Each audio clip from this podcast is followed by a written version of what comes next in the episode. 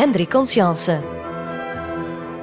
Met Johan van Hekken, Padonnet en Philippe Peters. Het is niet genoeg voor een schilder of een schrijver te weten dat de berg hoog en een dal diep is.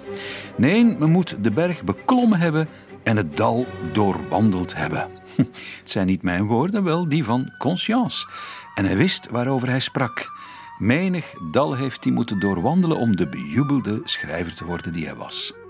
In 1830 is Conscience 18 jaar en gaat hij het leger in. Wij willen Willem weg, is de leuze. En het Belgische leger moet erop toezien dat Willem, de Nederlandse koning, vooral wegblijft. Die laatste denkt daar echter uh, iets anders over en trekt ten strijde. In augustus 1831, tijdens de tiendaagse veldtocht, raakt Conscience zelfs gewond in de slag bij Leuven.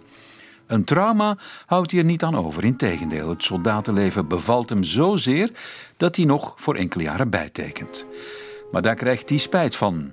Vijf jaar later schrijft hij aan een vriend: Ik ben deze loopbaan, voor welke God mij niet geschapen heeft, onzeggelijk moede. Hij wil dichter worden. Op 21 mei 1836 zwaait Conscience af. Maar de laatste zes maanden van zijn legerdienst kennen een nogal merkwaardig verloop. Al zijn vrije tijd gaat naar de poëzie. En ook tijdens zijn diensturen is hij voortdurend in zijn hoofd aan het dichten. Hij wordt verstrooid, ja, begint zijn zaken te verwaarlozen en krijgt de bijnaam de poëet of de zot. Hij wordt dan ook regelmatig op het matje geroepen. Conscience trekt het zich niet aan en laat zich zelfs vrijwillig degraderen. Niet zijn beste idee is dat, zegt zijn biograaf Johan van Hekken. Elke keer als hij zogezegd verstrooid was, kreeg hij van zijn nieuwe baas vier dagen cachot. Niet leuk natuurlijk, maar Conscience die zag al direct na een tijd de voordelen. Want hij zat daar vier dagen en kon vier dagen aan poëzie denken. En hij had daar wel wat papier, dus hij kon zijn gedachten uitschrijven. En dus vier dagen cachot leverde gewoon een paar interessante gedichten op en veel oefening. Dus het ging zelfs zo ver dat hij op een bepaald moment naar zijn chef ging en zegt van hier chef, ik heb voor u een meerschuime pijp gekocht, hé, want jij rookt veel. Hé, maar kunt je nu niks verzinnen waardoor dat je mij vier dagen extra in het cachot zet, want ik heb heel veel inspiratie. Nu, men apprecieerde die poëzie ook wel in het leger, hè, want dat was wel handig. Je had, uh, soldaten kwamen bij hem vragen van, kunt je eens een brief naar mijn moeder schrijven, want ja, ik ben daar niet goed in. Of er is iemand die zegt van, ja, ja, ik heb mijn lief al lang niet gezien, maar jij kunt goed dichten. Kunt je eens geen, geen gedicht schrijven voor mijn lief?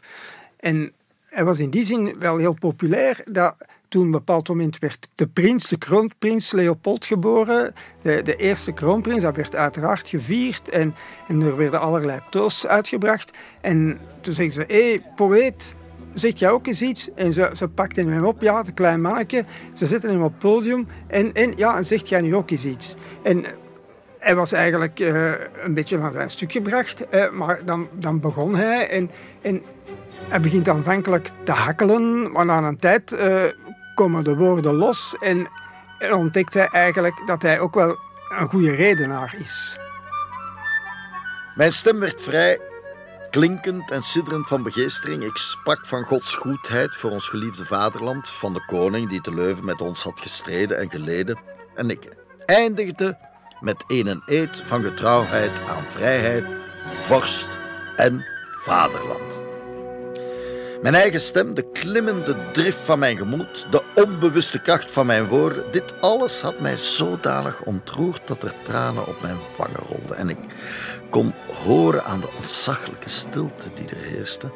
Ik kon zien aan het glinsteren van aller ogen dat ieder met mij tot in het diepste van hun hart ontroerd was.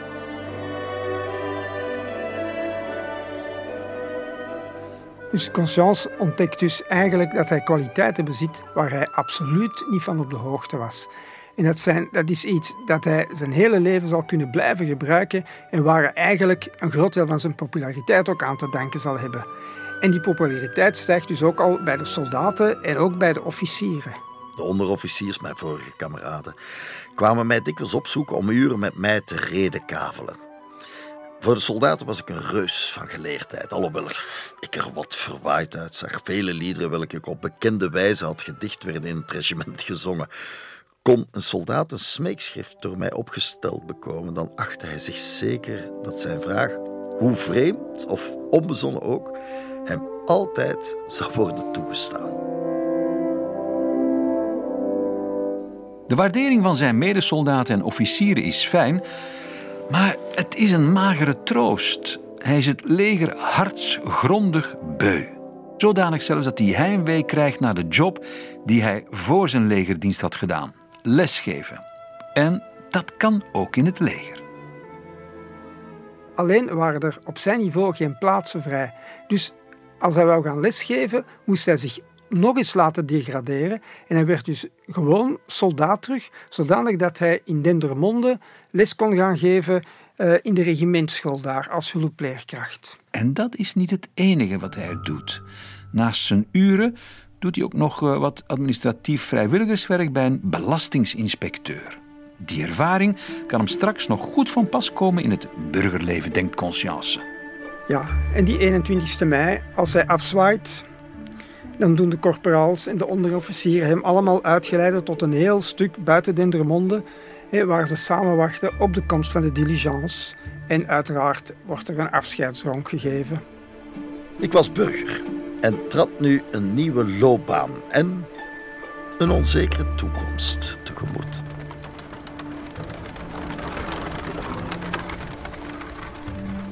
Het kan misschien vreemd klinken, maar wanneer Conscience later op zijn militaire carrière terugblikt, is dat toch met een ja, gevoel van erkentelijkheid.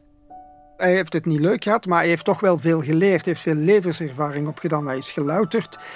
En het heeft hem fysiek en verstandelijk toch wel een en ander opgebracht. En wat ook heel belangrijk was, hij had alle hoeken van België gezien. Hij was overal geweest. En ja, en nu gaat hij terug naar huis en hij wacht met een bang hartje op wat komen gaat. De nadere overweging van het lot dat mij waarschijnlijk wachtte verontrustte mij diep. Ik vermoedde wel dat ik opnieuw tegen vernedering en misschien tegen rampspoed zou te worstelen hebben. En om mijn moed in te spreken, zei ik tegen mezelf dat ik onder de soldaten de kelk der miskenning en het lijden had geledigd. Dat er mij niks ergers kon geschieden en ik dien te gevolgen wel de moed zou vinden om alles zonder veel verdriet te doorstaan. Conscience denkt dat het ergens achter de rug is. Of hij maakt het zichzelf wijs, want ja, hij zal nog heel veel meemaken natuurlijk. Uh, ook in het burgerlijk leven zijn de valkuilen diep. En vooral die eerste, eerste maanden zal hij toch uh, vaststellen dat het allemaal niet op een uh, presenteerblaadje aangeboden wordt. Als hij thuis komt, wordt hij daar ontvangen door zijn vader en zijn stiefmoeder en ondertussen vier halfzusjes en ook waarschijnlijk door zijn uh, echte broer Jean Balthazar. We hebben het daar nog niet over gehad, over Jean Balthazar, maar die heeft ook een carrière in het leger gewaagd. Uh, slimmer geweest dan Conscience, heeft het tot twee jaar beperkt en is dan als schrijnwerker aan de gang gegaan. Het is een man die veel stielen en ongelukken zal hebben. En eerder dat jaar is hij ook naar, naar Parijs getrokken. Hij heeft aan zijn vader een voorschot op zijn erfdeel gevraagd. Heeft schone kleren gekocht en kar en een paard is naar Parijs getrokken om daar goede sier te maken. En uh, heeft zich daar uitgeleefd, maar het geld was al snel op en hij is dan berooid terug thuis gearriveerd. Die avonturen van Jean Balthazar in Parijs zouden Conscience 21 jaar later, in 1857, stof opleveren voor een roman. De kwaal des tijds. Met zijn geest en hart vol kinderlijke begoochelingen, schrijft hij, valt hij ten prooi aan de duizenden en duizenden strikken welke daar gespannen liggen om de rijke en vooral de eenvoudige en jonge lieden te verrassen en te verleiden. Al wat moreel verwerpelijk is, kwam volgens Conscience uit Parijs. Ja, en zoals het dan altijd gaat in zijn romans, komt de onbezonnen kerel op het eind van het verhaal tot diep berouw.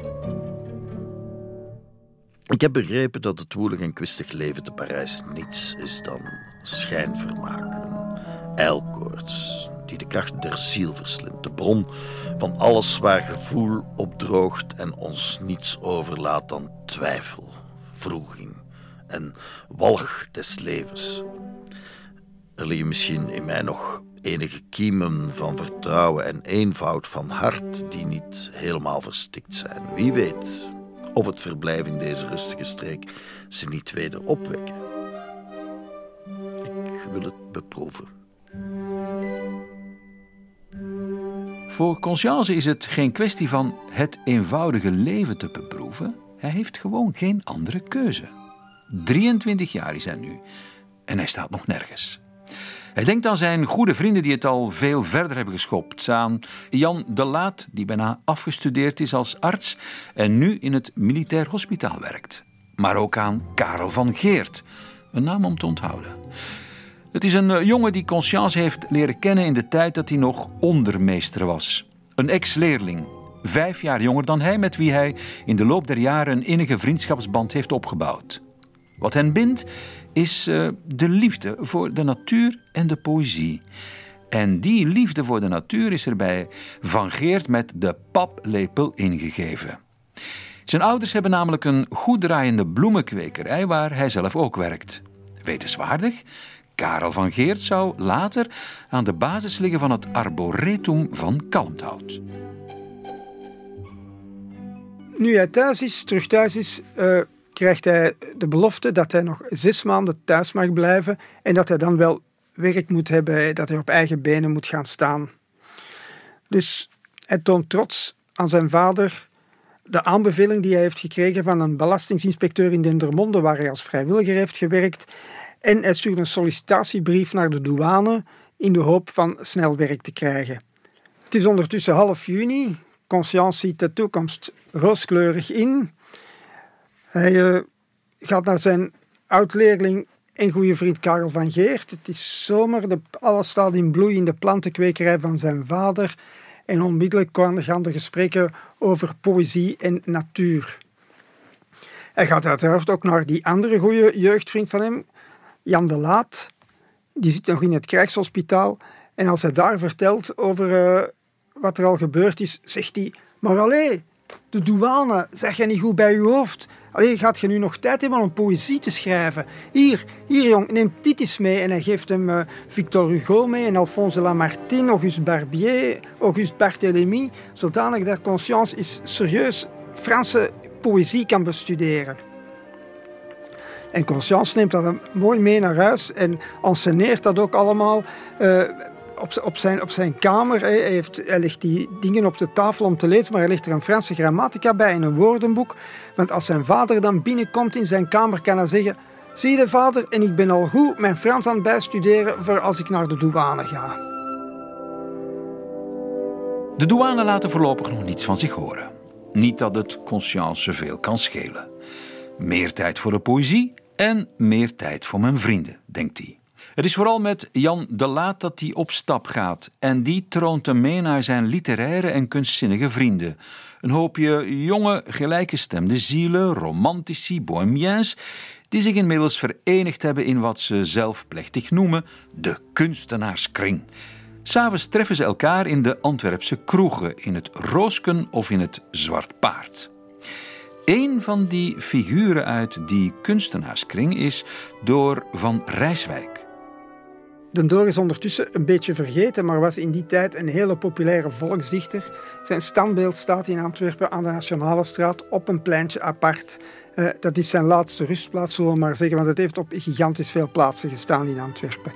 Conscience weet eerst niet goed wat hij van hem moet denken, maar is wel uitermate gefascineerd. Den Door, zoals hij door zijn vrienden genoemd wordt, schrijft namelijk gedichten in het Vlaams. Hoe merkwaardig. En wat meer is, hij tracht ook zijn vrienden aan te zetten om hetzelfde te doen. Zo stopt hij Hendrik gedichten van Bilderdijk toe en zegt: Kijk, probeer dat eens uit. Maar daarnaast is Den Door een echte bon vivant, een man die een onbezorgd bohemien leven leidt dat vooral op drank en vrouwen is gericht en wel in die mate dat het zijn leven aanzienlijk zal inkorten. Een tijdgenoot van hem, August Snieders, heeft hem ooit treffend omschreven. De tongval van de Door was sterk Antwerps. De spraak niet vlottend, soms zelfs hortend en stotend, zodat de toehoorders gedurig in spanning verkeerden, afwachtende wat er komen zou. Ruw was zijn geestigheid. Vormen van fijne opvoeding waren hem vreemd. Een vrolijke maat was hij die in de taverne thuis was en daar, los en zwierig uit de lange pijp dampend, troonde. Overal waar de dichter binnentrad, sprong ook plotseling de vrolijkheid binnen. Rondom hem vlogen de kwinkslagen, de geestige zetten, de rijmen voor de vuist, de aardige vertelsels, de vrolijke spotternijen. Ze vlogen zo talrijk als een zwerm bijen op een zonnige zomerdag, als de gloeiende vonken rond het dreurende aanbeeld. Door was dus een echte bon vivant en die had naast die kunstenaarskring had hij nog een ander clubje opgericht, een, een bijverenigingetje, uh, de Sint-Luibrechtschilde. Uh, het klinkt, klinkt heel, heel chic, maar in feite was het een, een vrij vunzig clubje. Ze noemden zichzelf ook de kakentisten en ze waren blijkbaar gefascineerd door, door uh, stront en heel veel seks en zuipen en die avonden zouden volgens een citaat van de Laat vooral bestaan hebben uit kluchtige zittingen met ultrazuipen, ultra-erotische stukken en ultra-roken. Conscience is wel een tweetal keer gaan, uh, aanwezig geweest en toen dacht hij van ja, hier ga ik me echt niet mee bezighouden. En het Letterenhuis bewaart een, een, een stevig album met uh, tientallen van die scabreuze stukken. En uh, er zijn zo vier, vijf leden die, waarvan teksten bewaard zijn. En dat is dan in de trant van dit. Wij krauwen en spouwen in spieksel en zaak. En rekken en trekken op eens not een. Dan vragen en plagen wij teven en oer. En neuken in keuken op tafel en vloer. En dit is dan nog een proper, hè? Het is echt niet bepaald dichtwerk waar je standbeelden mee verdient. Nee, de verdienste van Den Door ligt elders. En wel in zijn gedrevenheid om een eigen Vlaamse poëzie op de kaart te zetten. Den Door die wil dat er Vlaamse poëzie gemaakt wordt. En er is eigenlijk maar één letterkundig genootschap in Antwerpen. En dat is de letterkundige afdeling van de Société des Sciences, Lettres et Arts d'Anvers. Dus u begrijpt, dat is enkel op Franstalige, Franstalige literatuur gericht. En daarom brengt hij met Michiel van der Voort een oude rederijkerskamer terug tot leven, de olijftak. Ze gaan ervan uit dat met Franstalige literatuur dat dat in België weinig toekomst heeft, want dat je toch niet kan opboksen tegen die hoogwaardige literatuur uit Frankrijk. En dat dus de toekomst van literatuur in België uitsluitend in het Vlaams kan zijn. De Laat is ook al lid en hij introduceert Conscience die een proefstuk moet maken. En hij wordt aanvaard in, 1836, in augustus 1836 met een proefstuk over de Lange Wapper. Een lang gedicht. Dat, dat is zijn eerste officiële publicatie in een tijdschrift, De Fakkel. En hij signeert het H. Geweten, de Franse vertaling van zijn naam. Nu, de olijftak groeit heel snel. Ook Karel van Geert wordt al snel aangenomen als lid. En wat ook belangrijk is, Gustaaf Wappers wordt lid en brengt een aantal van de jonge schilders mee. Gustaaf Wappers. Op dat ogenblik is hij de reizende ster aan het firmament van de Belgische schilderkunst. Hij staat aan het hoofd van een nieuwe garde jonge schilders, geïnspireerd door Delacroix, de romantiek hoog in het vaandel voerend. Een jaar eerder, in 1835, heeft Wappers zijn monumentale schilderij over de Belgische Revolutie voltooid en in het Museum van Brussel aan het publiek getoond. Het is het symbool van de nieuwe identiteit van het jonge koninkrijk. Publiek en pers zijn laaiend enthousiast en al snel vinden de lito's die van het schilderij worden gemaakt de weg naar talloze huiskamers. Niet verwonderlijk dat Conscience het als een ongelooflijke eer en genoegen beschouwt om in de nabijheid van Wappers te mogen vertoeven. Helaas wordt dat genoegen niet gedeeld door zijn vader. Pierre Conscience vindt dat, hij zich bezighoudt met nutteloze grillen en dat het nu stilaan wel eens tijd wordt om aan ernstige zaken te denken. Want poëzie is enkel geschikt om karamellen in te pakken, vond hij. Het was toen een gebruik dat je karamellen inpakte op, op papiertjes waar iemand een gedicht van drie of vier regels in geschreven had, zoals je de Chinese wenskoekjes hebt tegenwoordig. En hij wordt het allemaal een beetje beu en hij speelt zijn zoon nog eens stevig de les. Hij legde mij voor ogen wat mij in de wereld te wachten stond. Bezwoer mij toch voor mijn eigen welzijn te zorgen en smeekte mij geen misbruik van zijn goedheid te maken om een hersenschip te vervolgen die niets anders dan een bron van vernedering en armoede voor mij kon worden. Ik had met gebogen hoofd naar zijn plechtige vermaningen geluisterd. Onder de invloed van zijn liefdevolle raadgevingen was in mijn boezem de overtuiging gedaald dat ik ongelijk had en schuldig was aan ondankbaarheid jegens mijn goedhartige vader. Vroeg hem vergiffenis en beloofde alweer naar de een of andere bezigheid uit te zien. Ja, het zit er dus voor Indrik niet anders op dan zijn diensten te gaan aanbieden bij een aantal firma's. En hij doet het als klerk, magazinier, vertegenwoordiger, maar hij heeft nergens succes. Zijn vader stuurt hem dan naar de paardenmarkt, naar het kantoor van uh, Grisaar, een bekend makelaarskantoor in Antwerpen. Maar hij wordt daar vernederd. Uh, hij, smeekt bijna voor een job en hij wordt uitgelachen. En ja, hij is, is compleet vernederd. Hij, gaat naar huis en, en hij, hij, loopt langs de straat en hij ziet opeens een aanplakbiljet waarin een examen aangekondigd wordt voor aspirant-ingenieur voor bruggen en wegen. En je hebt niet eens een diploma nodig. Als je slaagt voor het examen, dan krijg je het diploma er gewoon bij. En hij ziet dat het examen pas over tien weken is en de vernedering maakt plaats voor hoogmoed. Hij zegt van tien weken, als ik nu tien weken serieus studeer, dan kan ik dat diploma halen. Op tien weken, dacht ik, kan een mens met overspanning van wil en kracht veel, zeer veel leren. En het zou mij niet onmogelijk zijn mij tegen een vastgestelde dag op het examen voor te bereiden. Ja, je kunt natuurlijk denken dat je zoiets kan, maar nu moest hij ook nog zijn vader voorbereiden. En zijn vader stond meestal niet erg open voor dat soort dingen. Zijn reactie is dus erg voorspelbaar. Een bittere lach betrok zijn gelaat. Terwijl hij het boekje op de tafel wierp en uitriep: Gij zijt gek. Hoe zou jij in tien weken leren wat anderen na jaren studie nauwelijks weten? Ik had wel gedacht dat jij middelen zou uitvinden om aan het zoeken naar werk te ontsnappen. Mijn vader had wel juist geraden, al kon ik dat toen nog niet voor mezelf toegeven. Ik trachtte hem te doen begrijpen dat men met genoeg vastberadenheid de meest wonderlijke dingen kan volbrengen. Inderdaad, ik beriep mij op zijn eigen grondbeginsel aangaande de schier onbeperkte macht van de menselijke wil en legde hem voor ogen dat, indien het mij zou lukken, een eervolle loopbaan voor mij in het verschiet lag. Ik bezwoer hem mij toch deze tien weken nog te gunnen. Ik bad en smeekte met zoveel innigheid en geestdrift dat mij de tranen in de ogen sprongen.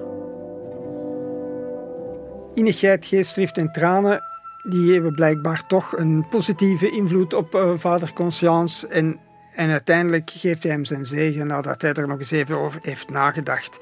En Hendrik, die duikt in zijn boeken. Hij studeert dag en nacht. Eten of drinken, daar komt hij nauwelijks aan toe. Uh, hij valt ook op zijn boeken in slaap. En ja, hij kan dat wel proberen, maar hij beseft dat hij over een heleboel dingen die daar staan totaal geen achtergrond heeft. Dat hij, hij mist alle mogelijke basiskennis voor dit soort dingen. En daardoor stort hij gewoon in elkaar. Het hoofd viel mij op de borst en een ijskoude siddering greep mij aan. Een half uur daarna, mijn ontsteltenis wat bedaard zijnde, stond ik met geweld tegen de ontmoediging op en opende weer mijn boeken. Helaas, mijn gezicht schemerde. De vlam van mijn lampje scheen te dansen. De letteren krioelden als een verwarde mierenzwerm door elkander. Ik doopte mijn handdoek in koud water en legde hem tegen mijn voorhoofd. Ik verfriste mijn ogen en slapen. Niets hielp. Mijn hersens bleven duizelig en mijn gezicht onklaar en pijnlijk. Door een akelige zekerheid overwonnen liet ik het hoofd op de tafel vallen. Het wordt weer een tranendal natuurlijk. Maar zijn vader is mild, want hij is eigenlijk onder de indruk. Hij had eigenlijk niet verwacht dat zijn zoon dat voor elkaar ging kunnen krijgen om zo echt die inspanning te leveren om zo'n studie door te maken. Maar ja, uh, hij is er nu wel helemaal onder doorgegaan. Dus hij zegt van ja, neem nu maar 14 dagen complete rust. Hou u met niks bezig. Je krijgt huisarrest. Je blijft hier thuis. Je mag in de tuin wandelen. Maar voor de rest uh, doet je niks. En je leest ook geen poëzie. En je schrijft er zeker ook geen. Maar wat hem gelukkig niet verboden is, is lezen. En zo zit hij op een dag wat te snuisteren in het boekenkamertje wanneer zijn oog plotseling op een fraai geïllustreerd boek valt. Een oud boek, want het is gepubliceerd in 1612 en het draagt een Nederlandse titel: Beschrijvingen van alle de Nederlanden. Dat moet een vertaling zijn, want de auteur is een zekere Ludovico Guicciardini, Italiaan. Conscience begint erin te bladeren en merkt dat er wel zeven hoofdstukken aan Antwerpen gewijd zijn. De auteur schrijft over de gloriejaren van de stad in de 16e eeuw, maar ook over de strijd van de geuzen tegen de Spanjaarden, de Calvinisten, de Inquisitie, de beeldenstorm. Conscience raakt helemaal gebiologeerd door het verhaal. Toverde mij Spanjaarden en Nederlanders voor ogen hen spreken en handelen, worstelen en strijden. En zag in mijn verbeelding de loop der gebeurtenissen, totdat ik eindelijk binnen de prachtige Onze Lieve Vrouwkerk alles door een razende menigte zag omverrukken, verbrijzelen en vertelgen. Hij moet luisteren naar zijn vader. Hij, hij, mag geen poëzie schrijven, mag geen poëzie lezen. Maar, maar, dit is proza, er is over proza niks gezegd. Zijn vader heeft niet gezegd dat hij geen proza mocht schrijven. Ik nam de pen in de hand, krabde mij het voorhoofd, stond ongeduldig op, ging weer zitten. Ik schreef een volzin neer, vaagde hem uit. En dan gebeurt het. De kroniek is in het Nederlands geschreven. Hij heeft voortdurend geswitcht tussen Franse zinnen en een Nederlandse bron. En nu is hij daar te moe voor. En dat switchen lukt niet meer. Hij blijft dus in het Nederlands denken en begint ook Nederlands te schrijven. Eindelijk bewoog mijn pen over het papier en ik schreef, om zo te zeggen zonder het te weten, de volgende regels in de Nederduitse taal. En zo is daar opeens de eerste Vlaamse roman. Het was in de jaren 1566, den 16e der maand augustus. De nacht was duister en de regen, die bij afwisselende vlagen nederstortte, had de nare straten der stad Antwerpen tot menigvuldige waterplassen gemaakt. Geen ander licht deed zich in het verschiet aan het oog op dan de weinig flikkerende kaarsjes, welke de inwoners voor de beelden ontstoken hadden. En zo schreef ik een tijdje voort, met een vloeibaarheid van gedachten en een gemak van stijl die mij door een gevoel van blijdschap aanjaagde en mijn hoofd van begeestering deden gloeien. Reeds twee volle bladzijden had ik geschreven toen het lastig zoeken naar een woord dat niet wilde komen mijn dichterlijke bezetenheid onderbrak. Ik had Vlaams geschreven. Het ging vanzelf. Alles was mij uit de pen gevloeid zonder enige moeite en zoals het mij toch toescheen op een zangerige maat en met een losse, natuurlijke vorm. Er was, zo dacht ik toch, niets aan te verbeteren of te veranderen. En deze ontdekking verraste mij uitermate en ik bleef enige tijd met een glimlach van blijdschap in de ruimte staren. Indien ik nu eens de ontworpen schets geheel in de moedertaal schreef. Het was voor mijzelf onbegrijpelijk en hoogst verblijdend hoe de woorden uit mijn pen stroomden en hoe de gedachten uit elkaar vloeiden, kleurige vormen aannamen en op het papier uitgedrukt stonden, zelfs vooraleer ik tijd had om er eenmaal van bewust te worden.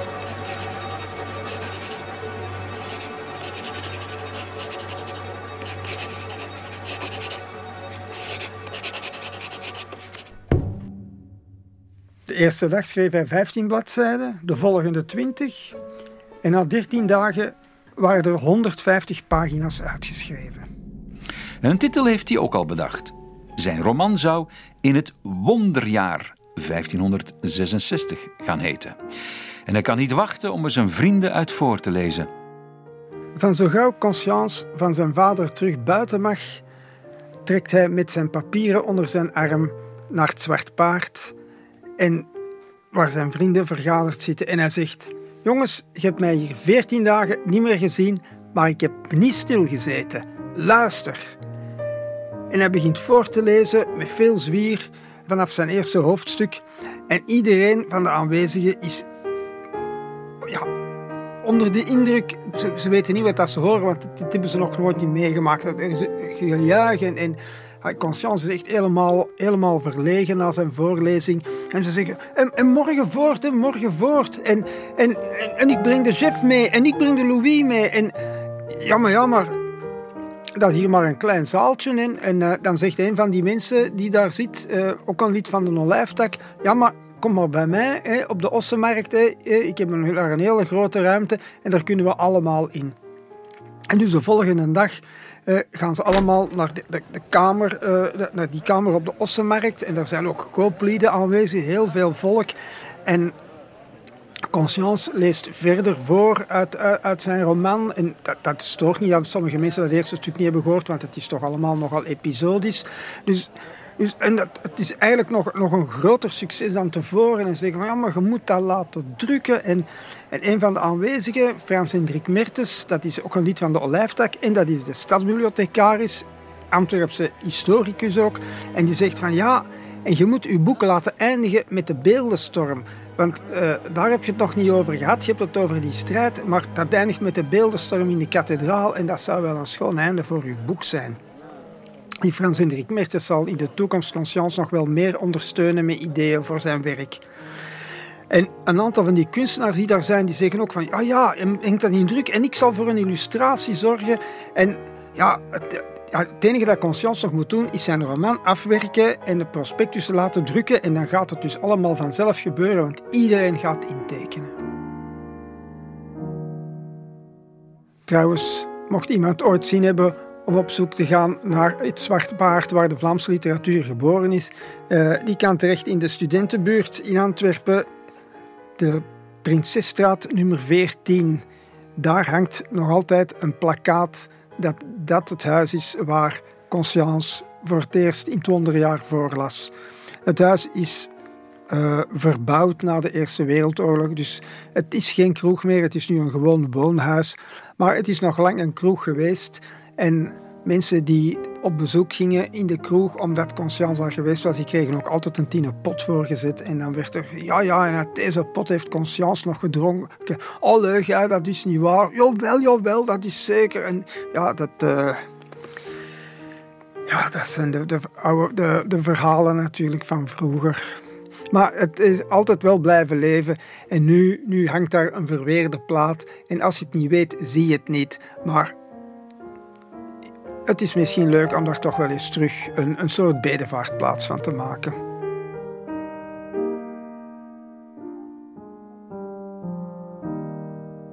Een man die niet aanwezig is bij de twee wonderjaarlezingen is Gustav Wappers.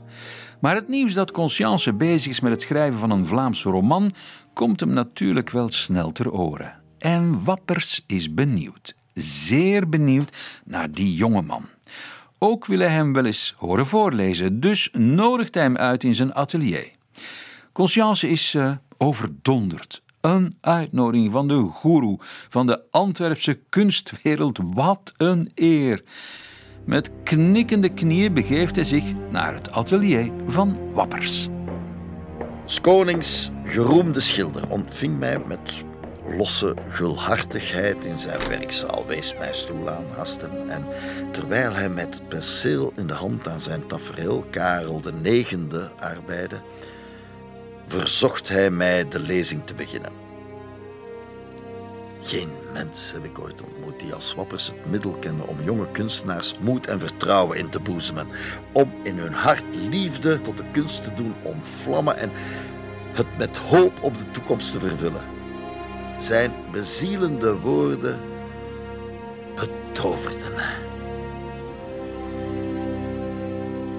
Wappers had van in het begin een ontzettende sympathie voor Conscience getoond. Hij moet gevoeld hebben dat er, dat er iets, iets in zat in die man. En eh, hij had nu ook voor deze voorleessessie de genodigden heel zorgvuldig geselecteerd. Zo was er een amateurschilder die werd voorgesteld als, de, een kolonel van de genietroepen. Hij heette André-Edouard Joly. En die beloofde hem te steunen. Maar eigenlijk wist Conscience niet wie dat was, maar die man was lid geweest van het, van het voorlopig bewind in 1830 en die, die uh, bewoog zich in de zeer dichte kringen rond koning Leopold. De introductie van Conscience in de hogere kringen geeft zijn zelfvertrouwen een boost. Als zelfs zij in hem geloven, wat zou hem dan nog tegenhouden om door te gaan met de publicatie van zijn boek? Nog helemaal vol van, van zijn bezoek aan Wappers ging Conscience naar de Laat om verslag uit te brengen. En de Laat had de prijsofferte van de drukker liggen. En toen moest Conscience slikken. 1300 frank. Eh, nu zo 8500 euro. Het was 800 euro voor het drukken en nog eens 500 euro voor het lithograferen van die illustraties. En ja, dat is gigantisch veel geld. En ja, Conscience zei, maar ik wil mij niet in de schulden steken. Hè. Uh, ja, hij wist ook niet, ja, ga ik veel boeken verkopen? En, en hij zegt tegen, tegen, tegen de laat, ja, nee, nee, dat kan niet. Ik, heb dat geld niet en, en, ja, nee. Maar hij zegt te laat. Er is toch niemand die u vraagt om, om, om 1300 eh, frank op te hoesten. Het enige dat je moet doen, is een prospectus schrijven en die prospectus laten drukken. En de rest, dat komt vanzelf. De mensen betalen om die boek te laten drukken. En als er niet genoeg mensen betalen om te laten drukken, dan wordt er gewoon niet gedrukt. Ah ja, toen was Conscience opgelucht en dan begint hij mee met de laat prospectus op te stellen. En hij legt daarin uit van, ja, er worden alleen maar Franse boeken gelezen. En hoe komt dat? Ja, omdat er geen Vlaamse boeken zijn. Het is heel simpel. En nu, met in het wonderjaar, komt daar verandering in. En hij zegt, het is een boek, het is bedoeld om te ontspannen, maar je kunt er ook iets bij leren. Want het brengt, en ik citeer, een volmaakte kennis van het gekozene tijdstip, naast een romantisch verhaal, het welk door voorvallen steeds verlevendigt, ongetwijfeld een der aangenaamste lezingen zal zijn.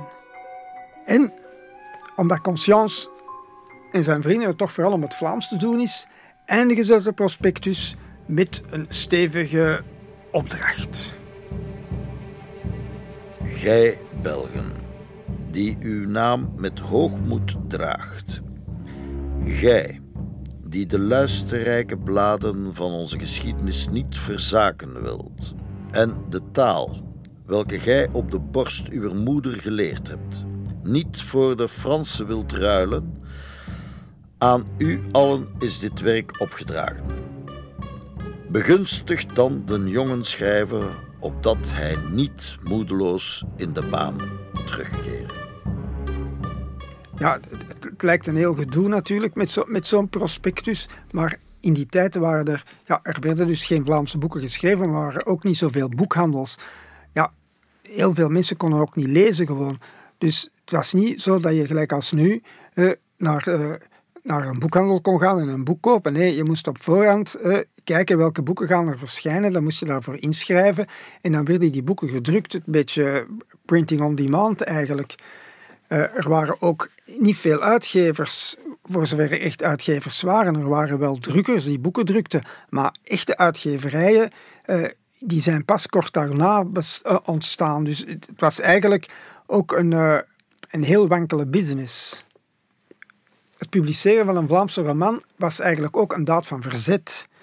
Want het was allemaal de bedoeling niet. Hè. Het Nationaal Congres in 1830 had beslist dat de officiële taal in België het Frans was. Hè. De officiële taal voor het rechtswezen, administratie, politiek, alles was Frans.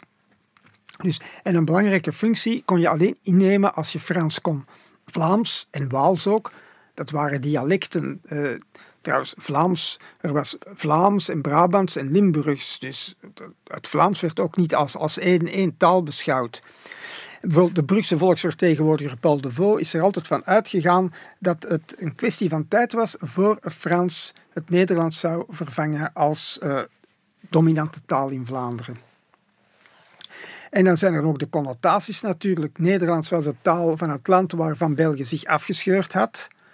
Nederland was ook het enige land dat België nog niet erkend had als onafhankelijk land. En Nederland was ook niet katholiek. Dus in het Nederlands schrijven, dat was wel uh, inderdaad een, uh, zoals ze zeggen, een daad van verzet.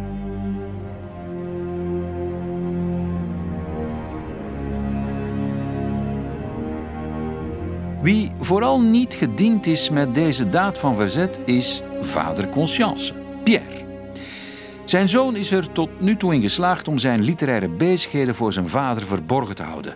Maar daar komt verandering in wanneer een vriend van Pierre hem op een dag een krant onder de neus duwt waarin een verslag staat van een van die opzienbarende voorleessessies van zijn zoon. Cette curieuse production de monsieur Hendrik Conscience staat er letterlijk te lezen. Al de bekenden van mijn vader waren Fransmannen uit Napoleons tijd. Eén van hen had hem het dagblad getoond en hem zijn verbazing uitgedrukt over het onbegrijpelijke feit dat zijn zoon Vlaams zou schrijven en de verspreiding van de Franse taal ging bestrijden. Wie schreef er nu Vlaams? Wie las Vlaams? Men wist het niet. Boeken drukken kostte veel geld en op het einde der markt zou de vader van de onbezonnen poëet nog de gebroken potten te betalen hebben. Maar het ergste van al, mijn vaders naam, dat is natuurlijk ook de mijne, kwam wel viermaal in het artikel voor. Dit was niet om uit te staan dat men de naam van een eerlijk man in de dagbladen mocht zetten en hem verantwoordelijk maken voor de dwaze grillen van een slecht beraden zoon. Ja, sommige Franse vrienden van Pierre begrijpen niet dat de zoon van een dienaar van Napoleon iets durfde te schrijven in een taal die zijn eigen vader niet begreep. Ja, maar Hendrik laat zich niet van de wijs brengen, hij houdt voet bij stuk en het prospectus wordt verspreid. Maar de vader krijgt eigenlijk wel een beetje gelijk. Het aantal inschrijvingen valt eigenlijk wel tegen. Hè. Er is een oplage voorzien van 500 boeken en er zijn maar 241 inschrijvingen. Dus meer dan de helft moet toch aan de man gebracht worden. Er komt ook bij dat er nog een deficit is van 500 frank. En dat is eigenlijk het bedrag van voor de illustraties. Maar Conscience besluit toch om, om door te gaan en het leidt tot meer discussies nog met zijn vader. Hij trachtte mij voor ogen te leggen hoe onvoorzichtig het van mijn twegen was mij belachelijk te maken door een boek in het Vlaams te willen laten drukken. Telkens antwoordde ik dat Vlaams mijn moedertaal was en het voor een nazi als een schande moet worden beschouwd om van een eigen taal beroofd te zijn. Ik sprak met geestdrift van Slans geschiedenis, van het luisterrijk verleden, van volksonderwijs, van zedelijke onafhankelijkheid en poogde hem mijn overtuiging te doen delen dat er iets groots kon bestaan in het voornemen om zijn geboortegrond en zijn landgenoten een eigene, schone en rijke taal terug te schenken, waarvan het gebruik en beoefening ons door vreemde dwang en binnenlandse onrechtvaardigheid was ontzegd. Ja, de, de ruzie loopt zo hoog op dat Hendrik beslist om al zijn bezittingen in een handdoek te draaien en een afscheidsbrief te schrijven en door de achterdeur het huis te verlaten. Hij wil iets gaan zoeken in de stad. En hij legt een parcours af dat ik ook nu geregeld afleg. Langs het Laar, door de Lammekestraat, voorbij de Librorduskerk. En dan gaat hij de Kerkstraat af richting stad. En aan het eind van de straat botst hij plots op Karel van Geert. Die woont daar vlakbij. En Karel zegt, ah, waar gaat je naartoe? En hij legt het allemaal uit. Wacht, zegt Karel, eh, ik ga mee, ik ga even iets halen binnen. En dat iets blijkt iemand te zijn. Kort erop komt Karel buiten met zijn moeder. En zijn moeder zegt van, allee jongen, Zeg je niet goed, je gaat toch niet, je gaat toch niet in de stad en dan in dat, wat, ga, je daar een hotel of een kamer zoeken? Dat, allee, ja, wat is dat nu? Ga die mee met mij en dan, ze neemt hem wat verder mee naar uh, een, uh, een uitspanning, gelijk dat dat vroeger heette. Dat heette In de Koning van Spanje. Ik kende dat wel, want de olijftak vergaderde daar soms. En dat werd uitgebouwd door een weduwe, moeder aan. En uh, moeder van Geert legt dat er allemaal uit. En er wordt afgesproken dat Conscience voorlopig mag logeren in de balzaal. Want die is niet meer in gebruik. Er worden dan normaal geen, geen kamers verhuurd. Maar dus, ja, blijf daar voorlopig maar logeren. En moeder van Geert betaalt de onkosten. Ja, de toekomst ziet er weer wat beter uit. En de volgende dag trekt Conscience goed gemutst de stad in, gaat naar de drukker en zegt van, druk maar. En hij gaat daarna naar Wappers en naar de Laat om een van de toestand op de hoogte te brengen. De Laat, ja, die is gewoon jaloers over wat er gebeurd is. En Wappers, die geeft hem weer eens groot gelijk. En dan hij terug naar huis, naar moeder aan, goed gemutst. En hij komt daar aan en koude douche. Want wie zit daar beneden? Zijn vader, die zit op hem te wachten en zegt... Kijk manneke, uh, neem mij mee naar uw kamer. We gaan dat hier eens uitpraten, hè, want dit kan niet. En ja, ze gaan naar, naar die kamer en, en Pierre gaat daar zitten. En ja, Pierre loopt al ook heel lang in Antwerpen op natuurlijk. Die is ook al verschillende keren in de Koning van Spanje geweest. En heeft die balzaal nog gezien toen ze gebruikt werd. En hij wordt weemoedig, want hij denkt terug aan de tijd dat hij daar de marinen heeft zien dansen en zo. En, uh, en uh, ja, en, zijn, en, en, hij zegt tegen zijn zoon, ja, leg dat mij nu eens rustig uit. Hoe zit dat nu met je boek en, en hoe ziet jij dat? En uh, ja, ze komen tot een tot een gesprek. En, uh, en vader zegt, ja, maar kun je dat niet in het Frans schrijven in plaats van in het Vlaams? Ja, maar nee, nee. En, en zo van, ja, dat is toch riskant zo'n boek. Maar ja, oké, het komt tot een goed gesprek.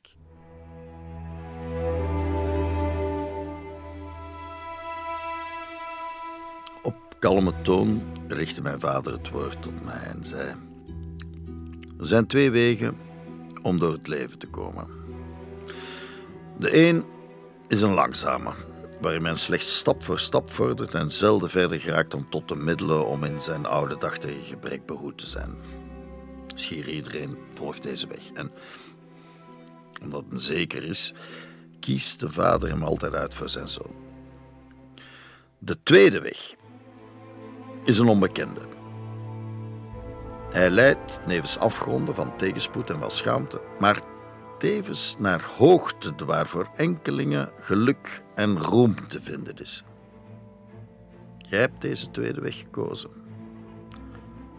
Welaan, bewandel hem dan met wilskracht en met moed. Ik, uw vader, zal God bidden dat hij u bevrijden van ramp en onheil. En met glinsterende ogen, mij de hand grijpende, voegde hij er nog bij. Sedert uw kindsheid heb ik gevreesd dat gij tegen het lot zou willen kampen. Ik deed wat ik kon om u te weerhouden. Nu geef ik u de vrijheid tot handelen naar uw goeddunken. Jij hebt de wapens van uw vaderland gedragen. Wees voortaan de soldaat van uw eigen toekomst.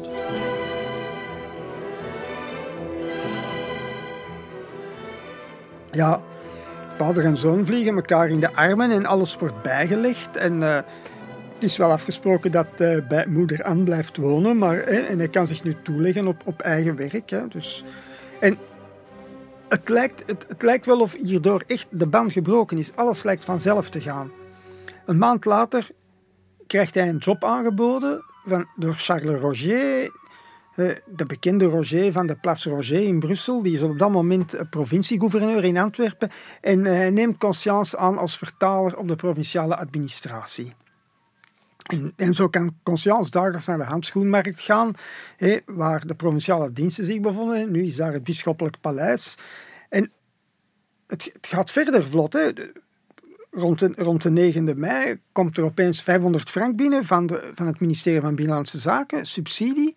Ook de provincie legt er 200 frank bij Conscience is nu al helemaal uit de kosten. Hij heeft geld over. Hij kan moeder Anne nu zelf betalen. Moeder van Geert moet dat niet meer doen. En uh, ja, waarschijnlijk is het allemaal wel dankzij Gustav Wappers natuurlijk, die uh, overal uh, zijn, zijn toegangen heeft en die blijkbaar toch mensen kan motiveren om, om Conscience te ondersteunen. En op 15 mei verschijnt in het wonderjaar en is opgedragen aan Gustav Wappers. Ik heb het wonderjaar natuurlijk ook gelezen en eigenlijk vond ik dat nog best meevallen. Het is, het is misschien geen meesterwerk, maar het toont toch echt wel Consciences kwaliteiten als verteller, als, als iemand die uh, die episodes dan toch wel in een logische, op een logische manier aan elkaar weet te breien. En hij is vooral ook subliem in zijn landschappen. Maar ja, je moet natuurlijk lachen als je zijn pogingen ziet om, om poëtische zinnen in zijn teksten onder te brengen, zoals En de wind als een verrader ontstol Lodewijks brandende zoen en vloot er door de bomen des wouds mee weg. Dat schrijft hij nadat zijn hoofdfiguur, zijn lief, ter afscheid heeft gezoend.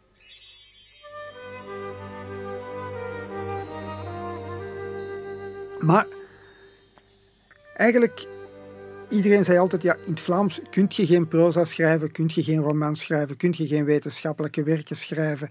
En nu bewees Conscience dat je wel degelijk al die gevoelens kon weergeven die je in een roman verwacht. Al die tegenstelde gevoelens, zowel gruwelijke dingen als tedere dingen, heldhaftige dingen, uh, schandelijke dingen. Dus dat, dat kan je allemaal echt wel weergeven in het Nederlands. Conscience wist ook wel dat hij geen meesterwerk geschreven had. Wat hij vooral wilde bewijzen is dat onze taal niet te hard is. En ik citeer: om onze zachtvloeiende letterkunde te bezorgen en dat onze woordenschat rijk genoeg is om, citaat, onze innerlijke aandoeningen te vertalen. Einde citaat.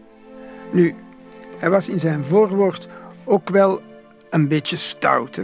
Hij begon af te geven op uh, de Franstalige, Frans sprekende Vlamingen. Hij noemde ze de Vlaams geboren Belgen die door gebaren en spraak uh, de vreemdelingen wilden nabootsen. Hij noemde hen apen. En hij vond het te verachten dat een Belg die uh, Teutoonse voorouders had, Frans leerde en zijn eigen taal niet kende. Maar hij hoopte toch vooral met zijn roman op navolging. En hij vroeg aan de lezers om hun kritiek aan hem niet te sparen, want hij kon daar alleen maar uit leren. Gij allen die mij leest, zijt mijn rechters en zult mij de moed benemen of vergroten. Nu, uh, dat gebeurde eigenlijk ook wel. Hè. Er, er, kwamen veel reacties. Uh, uh, er verschenen recensies en die waren dus enthousiast en die gaven punten van kritiek en zo. Het enige probleem was natuurlijk wel dat die 500 exemplaren niet verkocht raakten. Het boek was ook niet goedkoop. Uh, 4 frank 25 cent. Uh, als je weet dat Conscience bij de provincie werkte tegen 500 frank per jaar. Dat was een, een weekloon van 9 60 frank. Dus dat zijn twee exemplaren van het wonderjaar. Dus het boek kon eigenlijk alleen terechtkomen bij mensen die uh, financieel nogal sterk waren. En over de financieel sterken gesproken. Het boek is nog maar pas verschenen of er valt bij Conscience een nieuwe uitnodiging in de bus van niemand minder dan koning Leopold himself. Het is kolonel Joly die daarvoor gezorgd heeft. Die vriend van Wappers, die ook aanwezig was bij de lezing van het Wonderjaar in zijn atelier. Hendrik uh, slaat even in paniek, want voor zo'n audiëntie bij de koning is hij vestimentair niet voorzien. Maar ook hier weer kan hij op de hulp van zijn beschermheer Wappers rekenen. Hij leent hem een mooi zwart rokkostuum uit en stopt hem zelfs een luxe exemplaar van het wonderjaar onder de arm dat hij speciaal voor de koning heeft laten inbinden. En zo staat hij daar, alweer met bang hartje en knikkende knieën in de ontvangsthal van het koninklijk paleis te wachten tot hij aan de beurt is. weten wat mij overkwam. Mijn hart klopte onregelmatig. Ik hijgde zuchtend. Het angstzweet stond mij op het voorhoofd. Wat duurde dat lang, dit pijnlijk wachten. Eindelijk, een dubbele deur werd geopend en een officier, gans met goud bedekt, riep een naam uit. Een generaal trad de verhoorzaal binnen en keerde na enige minuten terug. Dan een volksvertegenwoordiger. Dan een burgemeester. En toen hoorde ik eensklaps mijn naam door de voorzaal galmen. Tweemaal moest de heer Jolie mij wenken eer ik hem volgde. Ik beefde op mijn benen en ademde bijna niet meer. Zonder te weten hoe ik zover was geraakt, stond ik voor de koning. Slechts een schuchtere blik had ik op het ontzagwekkende gelaat van de vorst durven slaan. Doch de heer Joly riep mij tot bewustheid en op zijn teken reikte ik met sidderende hand zijn majesteit het exemplaar van mijn werk aan. De koning bemerkte mijn uiterste ontsteltenis en scheen mij door een stille glimlach te willen geruststellen. Met langzame, klare en indrukwekkende stem zei hij: Men heeft mij van uw werk met lof gesproken. Wees niet zo ontsteld. Gij schrijft Vlaams? Het verheugt mij te zien dat men ook de taal van Vlaanderen, van dit aanzienlijke gedeelte van het vaderland, beoefent. In België hebben we meer dan één landstaal. En het is goed dat men zich van beide bedient tot de algemene beschaving van het volk en tot staving van onze nationaliteit. Ja, dat laatste is ontzettend belangrijk, want het bewijst dat de koning met conscience gesproken heeft over het gebruik van literatuur om de jonge Belgische natie uh, body te geven? Een, een, verleden, uh, een, uh, een reden van bestaan. En de koning pleit ook tegen het gebruik van Gallicisme in de literatuur. Ja, hij is natuurlijk eigenlijk een Duitser. En Conscience beaamt dat volkomen en hij zegt dat het Nederlands of het Vlaams geen vreemde woorden nodig heeft om goede literatuur te schrijven en dat hij die zelf ook niet gebruikt. En na die audiëntie komt Conscience terecht bij uh, de privésecretaris van de koning en die vertelt hem dat hij 400 frank krijgt uit de persoonlijke beurs van de koning, de civiele lijst die hij beheert. Alweer 400 frank die hij op zak kan steken. Eén probleempje slechts. Conscience weet absoluut niet hoe hij met zoveel geld moet omgaan. In een recordtempo jaagt hij erdoor. Voornamelijk aan de bêtise pour orner ma chambre, zoals hij later schrijft. Veel te dure spullen dus om zijn kamer mee in te richten. En zijn huisbazin, moeder Anne, ziet het gebeuren en zegt: Maar jongen, toch, doe het eens wat spaarzamer. Van die spilzucht zult je nog ferm spijt krijgen. In haar ogen was ik wel een begaafde jongen met gevoel en verbeelding, maar wat de koele reden en levenservaring aanging, was ik zwak en eenvoudig als een kind meende zij. Ik was als een wees zonder leidsman, een onnozel schaap dat zou verdwalen indien niemand het de weg aanwees die het te volgen had. Aangezien hij zoveel geld gekregen heeft, vindt moeder aan dat ze niks meer moet voorschieten, dat ze geen krediet moet geven. En uh, Conscience denkt van ja, ik ga rap een nieuwe publicatie maken. Dat brengt nieuw geld in het laadje.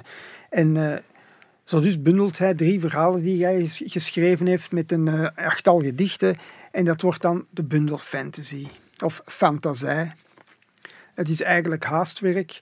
De gedichten zijn niet veel soeps, behalve misschien de Satanswagen of het stoomtuig. Dat uh, gaat over de stoomtrein.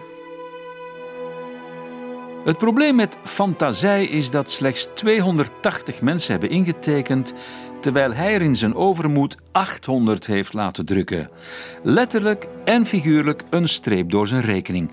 Want wanneer hij de rekening van de drukker onder zijn neus geduwd krijgt, 1000 frank, beseft hij dat hij ze niet kan betalen. Voor iedereen, zelfs voor mijn beste vrienden en bovenal voor moeder Anne was duidelijk geworden dat de Vlaamse letterkunde geen vak was dat zelfs met de hoogste begaafdheid iemand de middelen tot een onafhankelijk bestaan kan verschaffen. De goede vrouw trachtte door allerlei gegronde redenen mij te doen erkennen dat ik, om aan een bitter en ellendig leven te ontsnappen, een ambt behoorde te zoeken. Of, kon ik dit niet bekomen, tenminste als klerk op een handelskantoor de kosten van mijn onderhoud moest proberen te verdienen.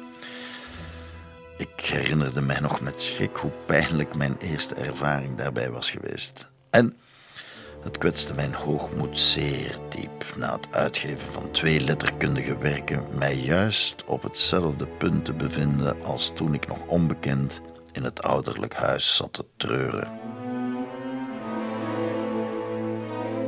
Terug naar af dus.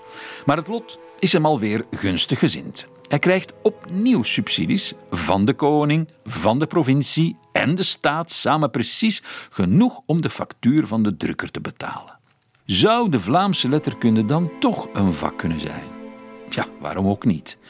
Men gelooft in hem, het dient de goede zaak en men is bereid om hem daarvoor financieel te steunen. Dus laat het ons nog eens een kans geven, denkt hij. En hij weet precies wat hem te doen staat. Wat de Vlaamse literatuur nodig heeft, is een groot epos over volk, vaderland en vrijheid.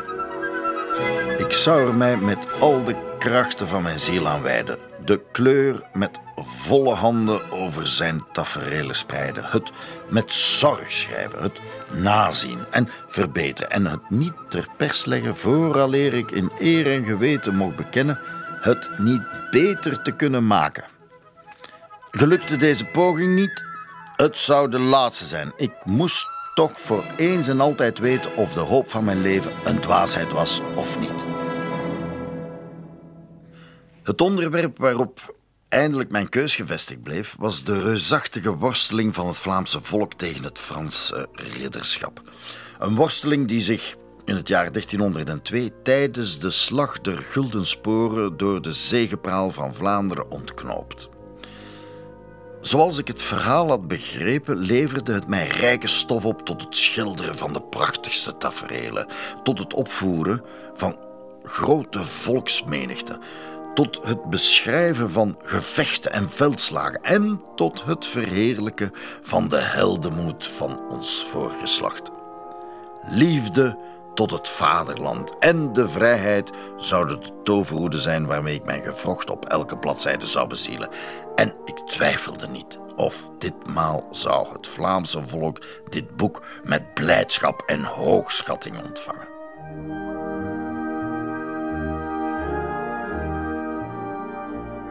Het traditionele verhaal wil dat Conscience geïnspireerd is door een monumentaal schilderij, monumentaal vijf meter op zes, van Nikijs de Keizer, van de, keizerlei in Antwerpen, eh, dat de slag der Gulden Sporen voorstelt. De, een hoogtepunt van de slag waarbij uh, een van de grote Franse leiders uh, neergeslagen wordt. Het schilderij bestaat helaas niet meer. Het, is tijdens het, het heeft de Tweede Wereldoorlog niet overleefd. Het hing in de hallen van Kortrijk, maar die zijn tijdens de Tweede Wereldoorlog in brand opgegaan.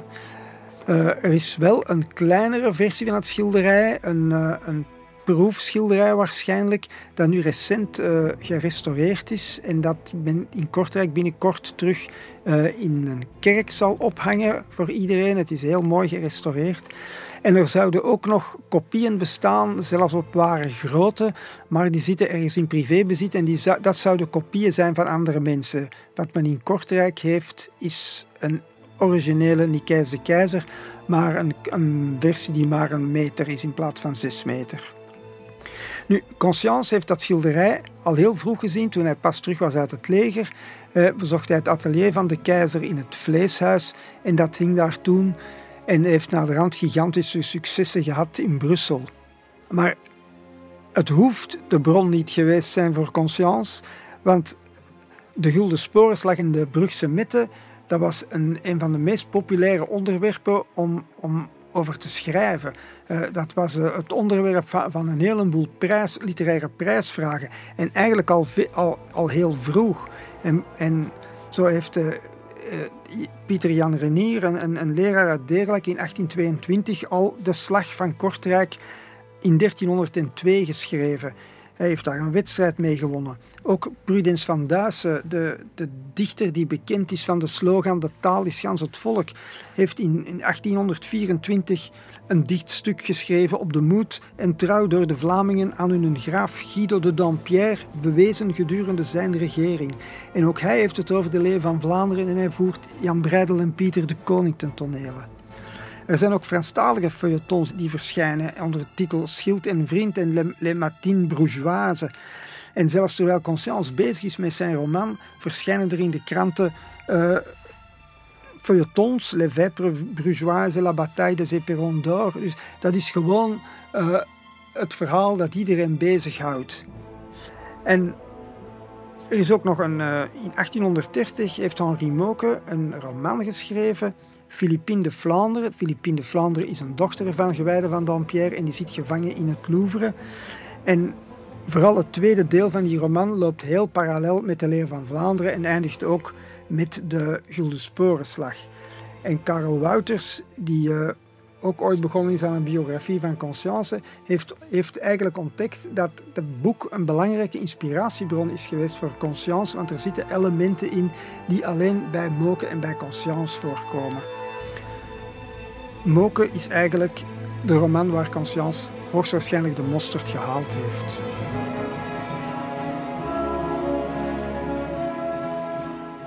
Half november 1837 is Conscience al volop met zijn roman in de weer. Zijn basisidee is om van de twee volkmenners, Jan Breidel en Pieter de Koning, een duo te maken in de trant van Don Quixote en Sancho Panza, maar dan ja, gelijkwaardiger. De spottende Jan Breidel, de deken van de slagers, die de Franse edele gidst en verschalkt. En daarnaast de welbespraakte leider van de Brugse wevers, Pieter de Koning. Ook fysiek zijn ze elkaars tegenpolen. Breidel is jong, stevig gebouwd en vol temperament. De bezadigde de koning is al wat ouder, half blind en klein van gestalte. Het legendarische leidersduo. Op die manier maakt hij er fictie van natuurlijk, dat wordt hem vandaag wel eens verweten, maar toch probeert hij zich zoveel als mogelijk te baseren op historische bronnen, voor zover hij die kan vinden natuurlijk. Zo trekt hij bijvoorbeeld naar de stadsbibliotheek, die toen nog in het stadhuis was ondergebracht. Het probleem daarbij is dat de leeszaal enkel open is tijdens de uren dat hij zelf voor het provinciebestuur werkt. Daarom vraagt hij uitzonderlijk toestemming aan burgemeester Gérard Le om enkele boeken voor korte tijd te mogen ontlenen. Het antwoord van het stadsbestuur Gefeliciteerd met uw eh, verdienstelijke pogingen om te willen schrijven in de moedertaal. Maar voor het ontlenen van onze boeken kunnen wij u helaas geen toestemming geven. Dat is een antwoord waar hij toch even van moet bekomen. Hij slikt, hij begrijpt er niets van. Hij wordt gesteund door de koning, de staat, de provincie, maar bij zijn eigen burgemeester krijgt hij nul op het rekest naar de reden is het gissen, maar Conscience heeft er later in zijn memoires wel een mogelijke verklaring voor gegeven. Een interessante verklaring, die best wel eens steek zou kunnen houden. De verschijning van mijn werk Het Wonderjaar had in Antwerpen een soort van strijd verwekt tussen de vrienden en de vijanden van de moedertaal. Algemeen waren de overheden en ambtenaren tegen het tot stand brengen van een Vlaamse letterkunde. Zij hadden hun carrière en hun hoge posten door de omwenteling verworven. En velen behoorden tot de Waalse provincies van ons land en spraken geen woord Vlaams. Als wij erin zouden slagen om de jongere letterkunde in het hart van het volk te doen wortelschieten, dan zou men zich waarschijnlijk tegen het uitsluitend gebruik van de Franse taal verzetten. En het verblijf van vele ambtenaars zou in het Vlaamse gedeelte van het land onmogelijk worden. Daarboven, zij die de opperhoofden van de omwenteling waren geweest, meenden nog altijd in de poging van de Vlaamse schrijvers een neiging te moeten zien om België opnieuw met Holland te verenigen. Geen wonder dus dat deze invloedrijke personen openlijk en bedekt door spot en miskenning moeite deden om dat Vlaamse letterkunde onder de aanvechtingen of het misprijzen van de burgerij zelf te versmachten. Ja, het komt erop neer dat Conscience uh, denkt dat men hem verdenkt van orangisme.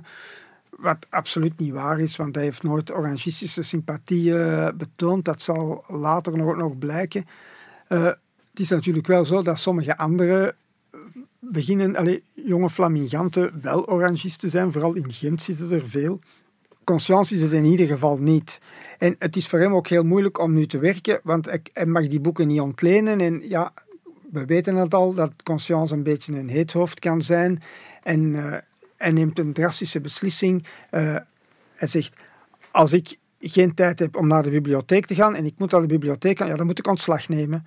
Dus hij, geeft, hij dient zijn ontslag in bij de provinciegouverneur. Nu, de, de provinciegouverneur uh, Charles Roger die heeft, ziet het nog altijd wel zitten bij Conscience. Hij heeft er een goed oog in dat hij wel dingen kan bereiken. En hij, weigert, hij weigert het ontslag, maar hij zegt: Maar ik ga u wel de mogelijkheid geven om halftijds te werken. En dan kunt jij in de namiddag naar de bibliotheek gaan. Dus op die manier wordt het goed opgelost. En in dat stadhuis wordt hij weer bijgestaan door de bibliothecaris Frans Hendrik Mertens, die hem ook al geholpen had bij het Wonderjaar, die ook lid was van de Olijftak. En die stopt hem de Spiegel Historiaal van Lodewijk van Veltem in handen. Die is geschreven in 1315, dus dat is vrij kort na de Gulden Sporenslag. Hij raadpleegt verder nog de Chronieken van Vlaanderen van Andreas Weits, die excellente Chronieken van Vlaanderen van Vorsterman en jaarboeken van de stad Brugge. Nu, boekenwijsheid alleen uh, is niet voldoende, uh, omdat hij ook de landschappen, de steden en gebouwen van dichtbij wil zien uh, en naar, naar de realiteit wil, wil beschrijven, trekt hij met zijn vriend Jan de Laat op studiereis naar de Vlaanders.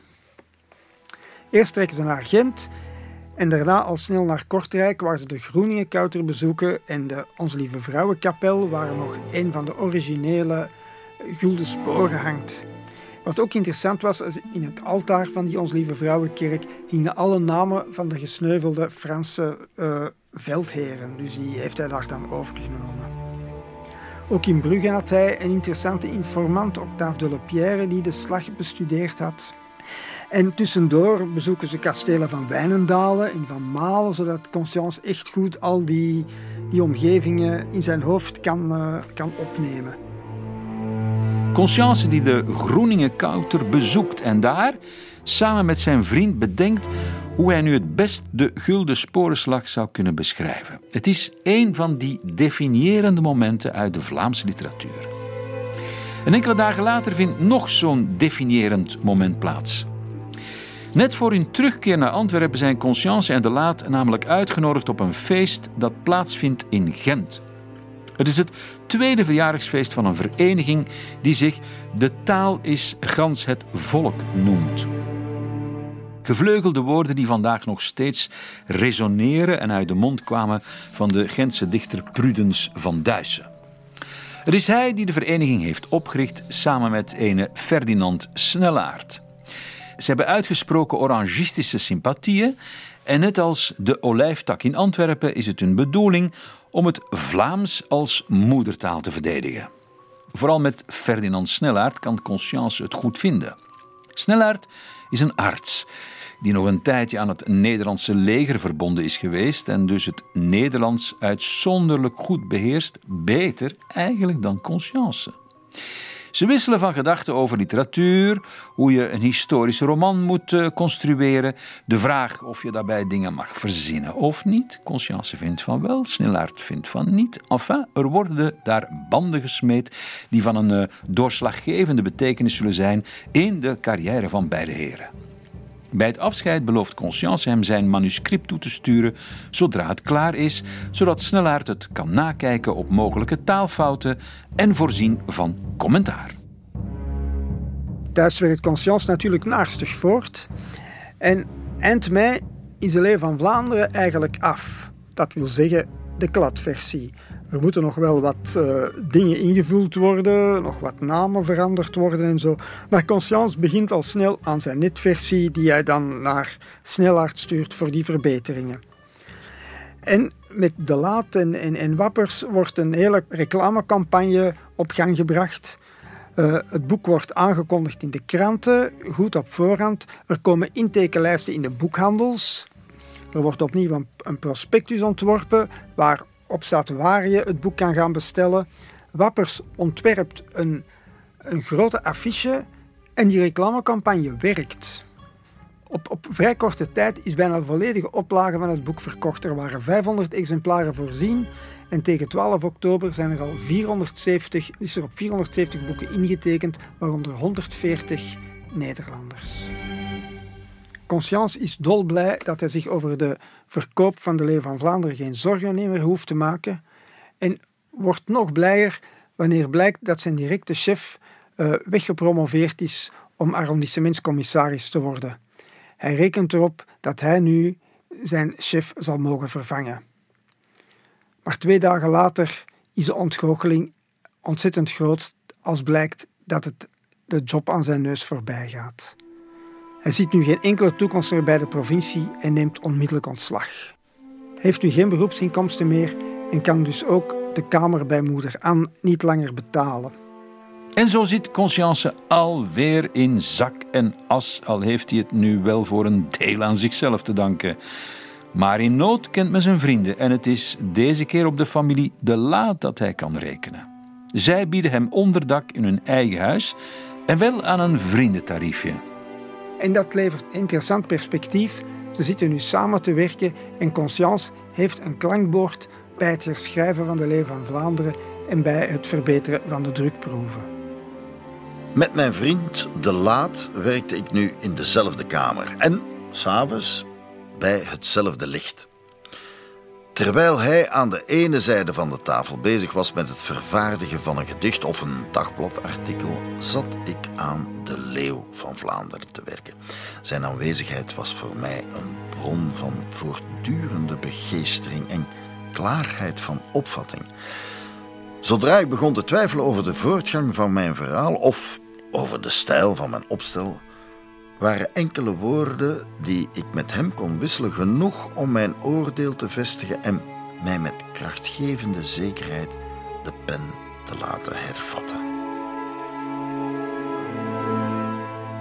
Na tien maanden intensief werk is de Leeuw van Vlaanderen eindelijk klaar om gedrukt te worden. Het is een heel spannend moment, want de kosten zijn toch iets hoger dan oorspronkelijk gepland en Conscience is onzeker over wat hij gepresteerd heeft. Hij krijgt er s'nachts nachtmerries van. Hoe dichter de verschijning van mijn werk naderde, hoe droeviger mijn vooruitzichten werden. Soms droomde ik in kommervolle nachtslaap dat ik over mijn roeping en over de waarde van mijn werk mijzelf iets had wijsgemaakt. Ik hoorde stemmen mij van hoogmoed beschuldigen en met mijn verwaand voortbrengsel spotten. Ik zag de drukker mij zijn afschrikwekkende rekening aanbieden. En Conscience heeft er natuurlijk ook totaal geen vermoeden van dat hij een geweldige prestatie heeft geleverd dat zijn Leeuw van Vlaanderen begroet zal worden als de Bijbel van de Vlaamse wederopstanding. Dat generatie na generatie bij dit boek zal blijven zweren, dat het een, een volkslied zal, zal doen ontstaan. Hendrik maakt zich zorgen over de ontvangst van de Leeuw van Vlaanderen. Maar wat hem overeind houdt is de wetenschap dat zijn naam ondertussen op een andere manier furoren aan het maken is. En met name in de toneelwereld. Op 14 januari 1838 wordt er in het Antwerpse Groot Wafelhuis, een groot houten lokaal aan het Mechelse plein, waar nu de Sint-Joriskerk staat, een bewerking van zijn roman Het Wonderjaar opgevoerd. Een toneelspel in zes tafereelen. Het succes is overdonderend. Volgens de krant L'Emancipation moest men 300 aanvragen voor toegangskaarten weigeren. Bij herhaalde pozen dreunde de zaal onder het gejuich en het handgeklap van de vaderlandslievende Vlamingen. Dan stond het volk ineens recht als één man om de schrijver die bij de laat en wappers zat te begroeten en toe te juichen. En de krant schrijft nog meer. Ze ziet de opvoering van Het Wonderjaar meteen als het beginpunt voor een eigen Vlaams toneel. Er blijft slechts over schrijvers te vinden die hun werk in proza aan dit lastige vak willen toewijden. Men verzekert ons dat Conscience een drama uit de nationale geschiedenis zal schrijven. Het klopt dat Conscience op dat ogenblik wel idee heeft voor een drama, maar met de uitvoering daarvan houdt hij zich vooralsnog niet bezig. Wat hem op dat ogenblik wel bezighoudt is politiek. En hij niet alleen. Heel het land is eigenlijk in de ban van wat er op dat moment in de politieke arena gaande is. De gemoederen laaien hoog op, want het is de toekomst van België die op het spel staat. Waar gaat het precies over? Wel, om een goed begrip te krijgen, moeten we eerst een kleine vaderlandse geschiedenisles meegeven. Men moet weten dat anno 1839 de definitieve grenzen van het jonge koninkrijk België helemaal nog niet vastliggen. Dat komt omdat Nederland België nog steeds niet officieel heeft erkend. Na jarenlange onderhandelingen met Nederland en met de andere Europese mogendheden ligt er nu eindelijk een voorstel op tafel dat de geschiedenis zal ingaan als het verdrag van de 24 artikelen. Koning Willem is bereid het te aanvaarden, maar in het Belgische parlement heerst er een grote verdeeldheid tussen voor- en tegenstanders. Het verdrag stipuleert namelijk dat België het Duitsstalige deel van Luxemburg en het oostelijk deel van Limburg moet afstaan, waardoor 400.000 Belgen weer van nationaliteit zouden moeten veranderen. En wat geeft Nederland daarvoor in ruil? Een vrije doorvaart op de Schelde, weliswaar met tolheffing. Iedereen werd verontwaardigd. Er kwamen petities, allerlei persartikels, meetings, optochten en er was een krachtig verzet in België tegen de prijs die ze moesten betalen. Niemand wou Limburg afgeven, niemand wou Luxemburg afgeven. Er werd gevreesd voor straatgeweld, er werden zelfs reservisten opgeroepen en het leger werd flink uitgebreid. De verontwaardiging schiet in heel het land als een steekvlam omhoog. En ook Conscience en De Laat voelen zich geroepen om actie te ondernemen. Waar ze zich vooral over opwinden is de laksheid van de Antwerpse burgers, kooplui vooral, die enkel aan hun eigen portemonnee schijnen te denken. Het kluifje dat hen wordt voorgehouden, de heropening van de Schelde, doet bij hen blijkbaar alle kritiek verstommen. Logisch eigenlijk. Onder het Nederlands bestuur was de stad een economische groeipool geweest en uitgegroeid tot de grootste haven van het Verenigd Koninkrijk der Nederlanden. Met de afscheuring van Nederland was niet alleen de Schelde gesloten, met het wegvallen van de handelsactiviteiten als gevolg, ook de Nederlandse koloniale handelscontacten waren verloren gegaan. De economische terugval was enorm. Maar Conscience ziet dat anders. Vaderlandsliefde moet boven de economische belangen worden gesteld. En hij weet wat hem te doen staat. Wanneer op 6 februari 1839 in het Antwerpse Groot Wafelhuis voor de derde maal het wonderjaar wordt opgevoerd, is zijn momentum aangebroken. Na de voorstelling beklimt hij de bühne en spreekt de zaal toe. Wij mogen in geen geval dulden, roept hij uit, dat 400.000 van onze broeders aan Holland worden afgestaan als losprijs voor onze onafhankelijkheid. En hij roept de jonge mannen in de zaal zelfs op om indien nodig de wapens op te nemen.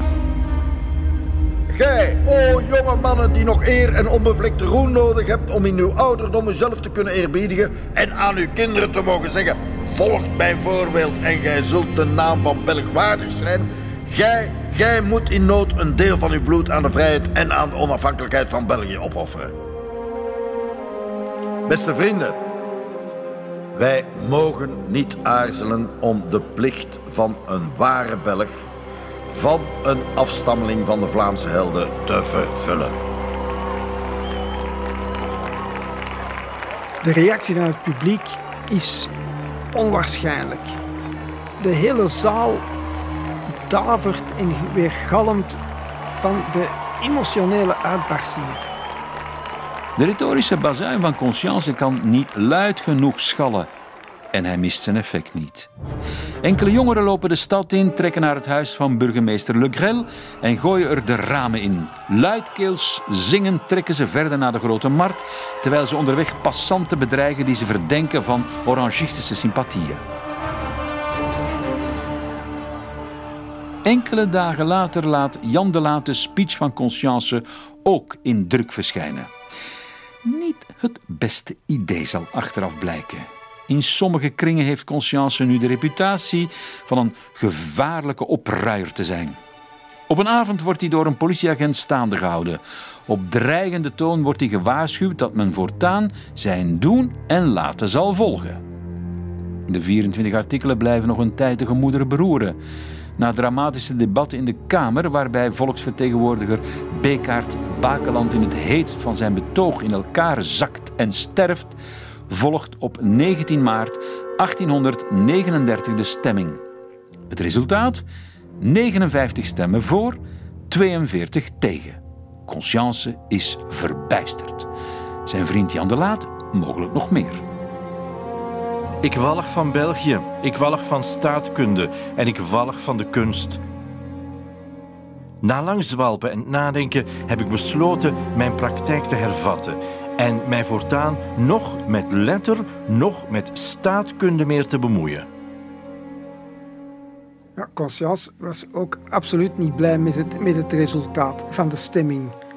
Maar eigenlijk, eigenlijk waren er nog andere dingen die hem, eh, die hem erg bezig hielden.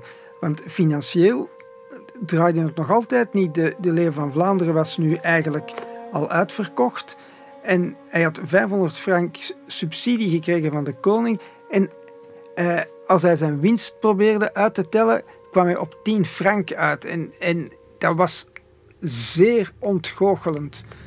En zijn enige conclusie was: uh, met boeken schrijven kan je geen geld verdienen. Ik stop ermee. De reden waarom Conscience ermee stopt is overigens niet alleen een geldkwestie. Er zijn namelijk inmiddels ook een paar recensies van zijn boek verschenen. En ja, die zijn niet allemaal zo lovend als hij zich wel had voorgesteld.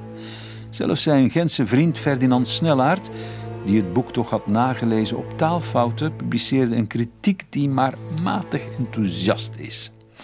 Een goed boek, schrijft hij dat wel, met levendige beschrijvingen en zo. Maar of de toekomst van de Vlaamse literatuur nu aan dit soort historische romans is, daar heeft Snellaert zo zijn twijfels bij. De poëzie, daar draait het om.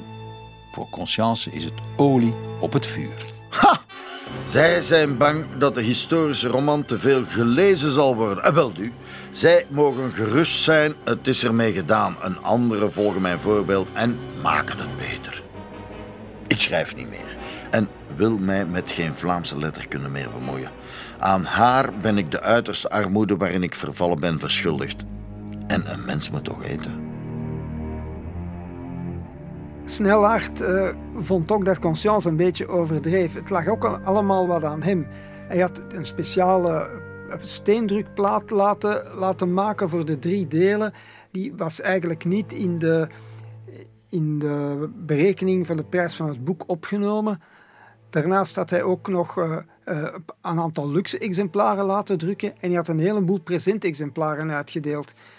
Hij zei ook aan, aan Conscience, ja, uh, als je, maar, als je een succesrijk boek maakt dat onmiddellijk uitverkocht is en je houdt maar 10 frank over, dan ligt dat grotendeels aan u. Dan moet je de schuld niet op andere mensen steken. Ja, Conscience bleef bij zijn plannen. Uh, hij zou stoppen met schrijven, hij zou het roer helemaal omgooien. En uh, hij bood zich aan bij Karel van Geert. Om daar bij de er stond een, een plaats open als klerk-hovenier. En hij ging zich aanbieden. En die mensen daar die trokken grote ogen van, allee, ja, de grote conscience, gevierd schrijver ondertussen, die komt hier zich nu aanbieden om, om te komen werken in de tuin. Zet je wel goed bij uw verstand? Ja, zegt conscience, ik heb het allemaal op een rijtje. Ik ga werken met mijn handen en uh, ik ga op een normale manier mijn brood verdienen. En s'avonds deed hij bureauwerk en overdag reed hij rond met kruiwagens en, uh, en verpotte hij planten. Zijn botanisch hart kan hij ophalen in de bloemenkwekerij, maar van zijn vrienden moet hij niet meer weten. Snellaard heeft er voor hem gelegen. Maar ook van Jan de Laat heeft hij genoeg. Ze hebben al veel te lang onder één dak gewoond. Met slaande deuren trekt hij het huis uit en gaat inwonen bij de familie Van Geert. Volgens de Laat kan hij niet omgaan met wat hem tegenzit of niet zint. Hij had iets zwarts in de zin. En de ene dag ging in spijtige woorden voorbij, de andere in een nog spijtiger stilzwijgen. Hendrik is een man die denkt dat, omdat hij een goede proza-schrijver is, en dat hij waarlijk meer dan wie ook aan de bloei van het Vlaamse gearbeid heeft, ieder hem op blote knieën zou moeten aanbidden. Hij waant zich onfeilbaar. En de twijfel over de uitmuntendheid van een door hem geschreven volzin is hem een ondraaglijke last. Maar de Laat legt de schuld ook ten dele bij Snellaert zelf. Want hij had hem gewaarschuwd voorzichtig te zijn in zijn recensie. Hendrik wankelde nog. En nadien heeft hij vastbesloten om nooit meer te schrijven. Daarna, zonder middelen van bestaan zijnde en niet al de verwachte wierook ontvangende, heeft hij zich als gast bij een bloemkweker aangeboden.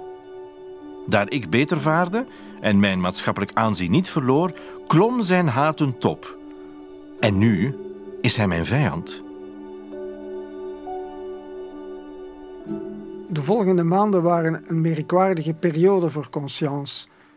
Mensen kwamen hem bezoeken in de plantenkwekerij en vragen hoe het met hem ging.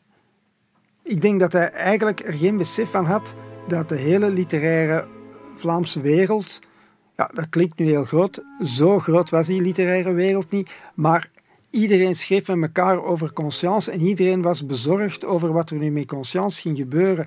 Zijn naam ging overal over de tong.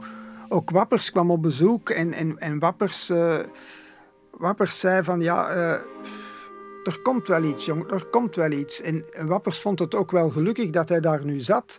Dat er, hij, hij, ging nu, hij zat nu wat in de schaduw en die opruiende toespraak, dat kon allemaal een beetje neerdalen, dat kon wat, wat, wat en ondertussen waren er toch mensen die zeiden, ja, maar zouden toch niet terug beginnen schrijven. En, uh, maar Conscience Hoofd stond niet helemaal naar literatuur. Is, we zouden zeggen helemaal niet, maar zo erg is het niet, want hij zit bij, hij zit bij zijn vriend Van Geert. En met Van Geert praat hij toch ook altijd over literatuur. Mijn lot in de bloemenkwekerij scheen mij voordelig en was mij zoet. Ik leefde er rustig tussen mensen die mij beminden, tussen bloemen en gewassen die sedert mijn kinderjaren de voorwerpen van mijn liefde geweest waren. Tussen boeken en prenten die mijn zucht tot wetenschap bevrediging schonken. Wat kon ik mij meer wensen? En er is nog iets dat heilzaam werkt, of liever iemand. Hij schrijft erover aan een vriend. Een meisje dat ik sedert lang en vurig bemin, heeft mijn wonden geheeld door liefde, zoetaardigheid en medelijden. Het ongeluk doet de waarde van de vrouw kennen wanneer men het geluk heeft een minnende en oprechte ziel getroffen te hebben.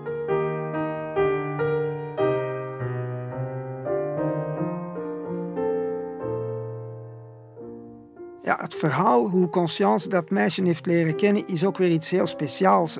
Hij was, terwijl hij nog bezig was met, het, met de laatste drukproeven van De Leeuw, door Jan de Laat meegenomen naar, naar, een, naar een feestje. En uh, uh, ik denk niet dat Conscience een groot danser was, maar hij was dus aan de praat geraakt met een, met een meisje dat daar stond, een, een, een, een, bleek meisje, Maria Pijnen. En... Uh, ja, De Laat had met die zuster gedanst en De Laat wist daar dan wel een en ander over te vertellen. Maar uh, ja, het feest is gedaan en het, het, meisje verdwijnt terug. Maar het is een hele koude winter en de, de Schelde vriest vrijwel dicht. En al de, de, de, de, grachten rond de stad zijn echt geweldig stevig dichtgevroren. Dus het is ijspret alom, 14 dagen aan een stuk, zit iedereen te schaatsen.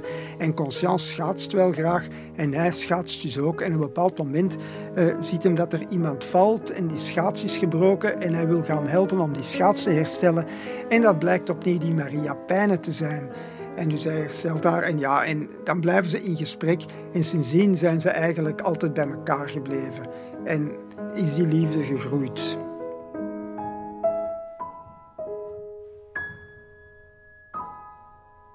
En dan in het najaar blijkt Conscience toch af en toe weer een en ander op papier te beginnen zetten. En hij verzoent zich met de laat. En hij gaat zelfs opnieuw naar de olijftak. met de Laat, Van Geert. En het is alsof het zo moet zijn. Het lot komt hem ter hulp. De directeur van de academie sterft. En op de vergadering van de olijftak zeggen ze: Moeten wij nu niks doen aan dat graf? Als ze beslissen van niets te doen. Maar ja, na zo'n vergadering heb je dan de navergadering. En Conscience en Den Door, die zitten waarschijnlijk in het Zwart Paard of in Troosje en zeggen van ja, maar zouden wij nu echt niks doen? Dan zegt Den Door, ik ga een gedicht schrijven. Dan zegt, zegt Conscience, wel, uh, ik zal een redenvoering uh, maken. En we weten dat doordat men dat later toegevoegd heeft in het verslagboek van de Olijftak, dat men naderhand die beslissingen genomen heeft. En op 18 december, het is steenkoud en de begrafenis gaat door in de Kerkstraat aan de Sint-Willebroduskerk. Eigenlijk is de begrafenis op de plaats waar nu de Sint-Willebroduskerk staat, want de vroegere kerk stond voor de huidige kerk. Van Bree was was dus echt wel een van de boegbeelden van de klassicistische schilderkunst geweest en een grote naam met veel uitstraling die in de culturele wereld ook wel op handen gedragen was. Vandaar, ja, het zag dus echt wel zwart van het volk. Daarbij het, het vroor stenen uit de grond, putteke winter.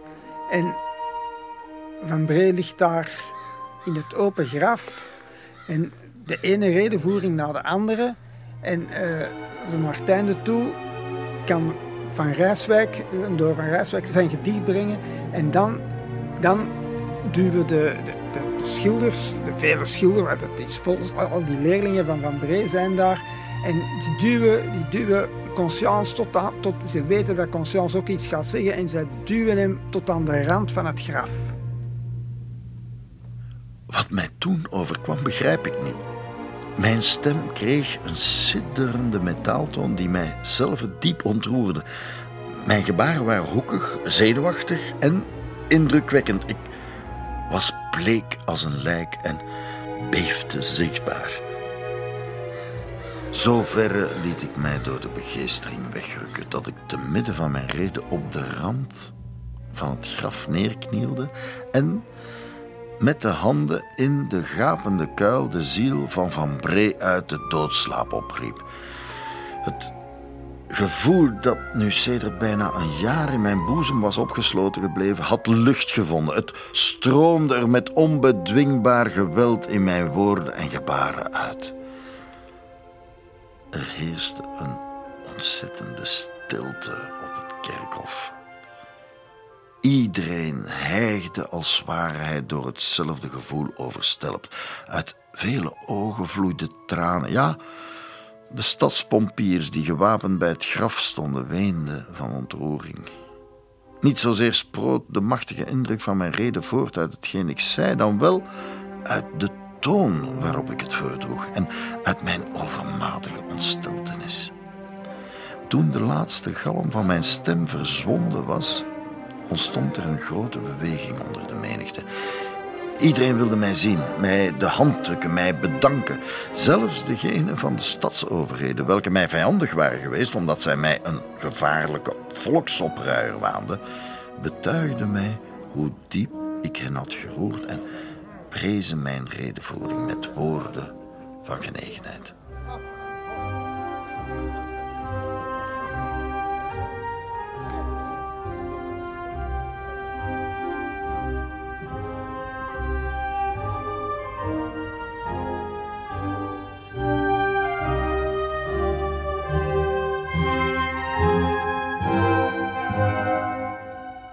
Je kan nu zeggen van ja, het zijn zijn memoires en hij hemelt zichzelf een beetje op. Maar er is natuurlijk wel pers uit die tijd. En als je naar het Antwerpse Nieuwsblad gaat kijken, dan schrijven ze daar dat Conscience aller herten heeft weten te beroeren door die mannelijke en krachtvolle taal, waarvan hij reeds zoveel blijken heeft gegeven. En wat eigenlijk nog veel straffer is, Le Précurseur, het, het, uh, het liberale Fransgezinde dagblad, heeft de tekst van de redenvoering in het Nederlands afgedrukt in zijn krant. Ongezien. En Conscience had wat hij eigenlijk had gewild. Hij wordt opeens op die piedestal gezet. En hij wordt gewaardeerd om zijn literaire waarde. Nu heeft hij alleen nog ander werk nodig. Ander werk, beter betaald werk, dat zou wel eens heel snel kunnen gaan nu. Want wie wordt de opvolger van Van Bree aan de Antwerpse Academie? Gustav Wappers natuurlijk. Op 27 januari 1840 wordt hij bij koninklijk besluit aangesteld. En wie weet ligt er voor uh, Conscience daar ook wel een lucratief baantje in het verschiet. Maar eerst valt er nog iets anders uit de lucht. Hij wordt ontboden bij de eerste minister Barthélemy de Theu. Wie vertelt hem, tot zijn grote verrassing, dat niemand minder dan de koning zelf de wens heeft uitgedrukt dat de regering voor Conscience een betrekking zal zoeken. Een betrekking die hem ook in staat moet stellen om zijn letterkundige werkzaamheden weer op te nemen. Conscience kan zijn vreugde nauwelijks onderdrukken. Een kleine domper op de vreugde is dat de regering vooralsnog geen geschikt staatsambt voor hem gevonden heeft, maar dat ze wel een opdracht voor hem hebben. En goed betaald ook. Gedurende twee jaar zal hij een honorarium van 1000 frank ontvangen. Dat is het dubbele van wat hij bij de provincie verdiend heeft. En het enige wat hij daarvoor moet doen is een geschiedenis van België schrijven. Tja. Zo heel gelukkig was hij daar niet mee, want ja, hij was geen historicus. Hij was eigenlijk ook niet vooronderlegd om zo'n groot wetenschappelijk werk te schrijven. Maar desondanks nam hij toch onmiddellijk ontslag bij, uh, de, bij de familie van Geert en huurde hij een kamer op de Ossenmarkt. Dat was natuurlijk om zo dicht mogelijk bij zijn lief te zijn. Zwoegen op zo'n geschiedenis van België, allemaal goed en wel, maar af en toe heeft Conscience nood aan wat afwisseling. En zo gaat hij nog geregeld naar de olijftak, schrijft af en toe iets en de olijftak is dat jaar uitgenodigd om mee te werken aan grootse feestelijkheden in Antwerpen. Want de grote Rubens wordt gevierd, hij is 200 jaar geleden gestorven en hij gaat een standbeeld krijgen. Het eerste standbeeld voor een Vlaming in België. Nu staat dat standbeeld op de Groenplaats, maar het was de bedoeling dat het zou verschijnen midden in de oude middeleeuwse stad op het Walburgisplein. Het hoogtepunt voor Conscience zal worden dat hij een toespraak zal geven bij de onthulling van het standbeeld van Rubens. Het standbeeld werd ontworpen door Willem Geefs. De bedoeling was dat het een beeld in brons zou zijn, maar het was niet op tijd klaar, dus werd er voorlopig een plaasteren exemplaar gezet. Het eerste exemplaar viel van de kar. Gelukkig hadden ze dus een tweede exemplaar, want anders had Conscience zijn redenvoering moeten geven bij een lege sokkel. Dit beeld, dat als een onwrikbare rots de stormen der eeuwen moet doorstaan, zal aan onze nakomelingen zeggen hoezeer het erboren Belgeland met een vorige liefde voor de kunst bezield was. Het zal voor de toekomende geslachten getuigen dat wij, zonen van de onsterfelijke Rubens, zulke vader waardig waren. Zijn beeld zal een vuurbaken worden in het rijk der kunsten. Wij, Belgen, wij beroepen ons niet veel op de glorie van ons vaderland. Nochtans er is op deze aardbodem geen enkele natie die op een zo geringe oppervlakte zoveel doorluchtige mannen heeft voortgebracht. Van Dijk, Collin, Jordaans, Teniers en gij allen, doorluchtige Belgen, staat op uit het verleden. Schaart u om het beeld van uw meester en breng getuigenis van de grootheid van uw vaderland.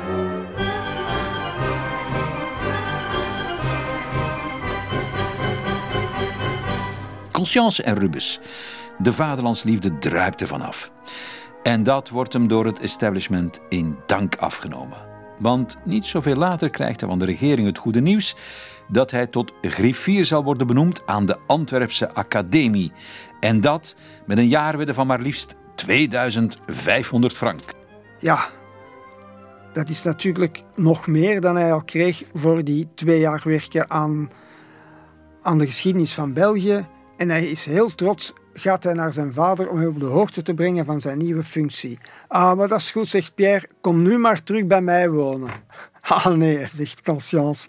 Uh, dat niet, ik zit daar goed op mijn kamertje in de, op de Ossenmarkt, vlakbij mijn vriendin, en ik kan hier rustig aan mijn geschiedenis werken. Hier sluit zich het verhaal van mijn lange strijd tegen het lot. En ik meen er goed aan te doen op deze plaats de geschiedenis van mijn levensvoorvallen te beëindigen. Het is niet dat ik van dan af rust genoten heb, integendeel. Bijna tot de dag van vandaag is mijn bestaan op aarde een onophoudende strijd geweest ten voordele van de moedertaal en de Belgische nationaliteit.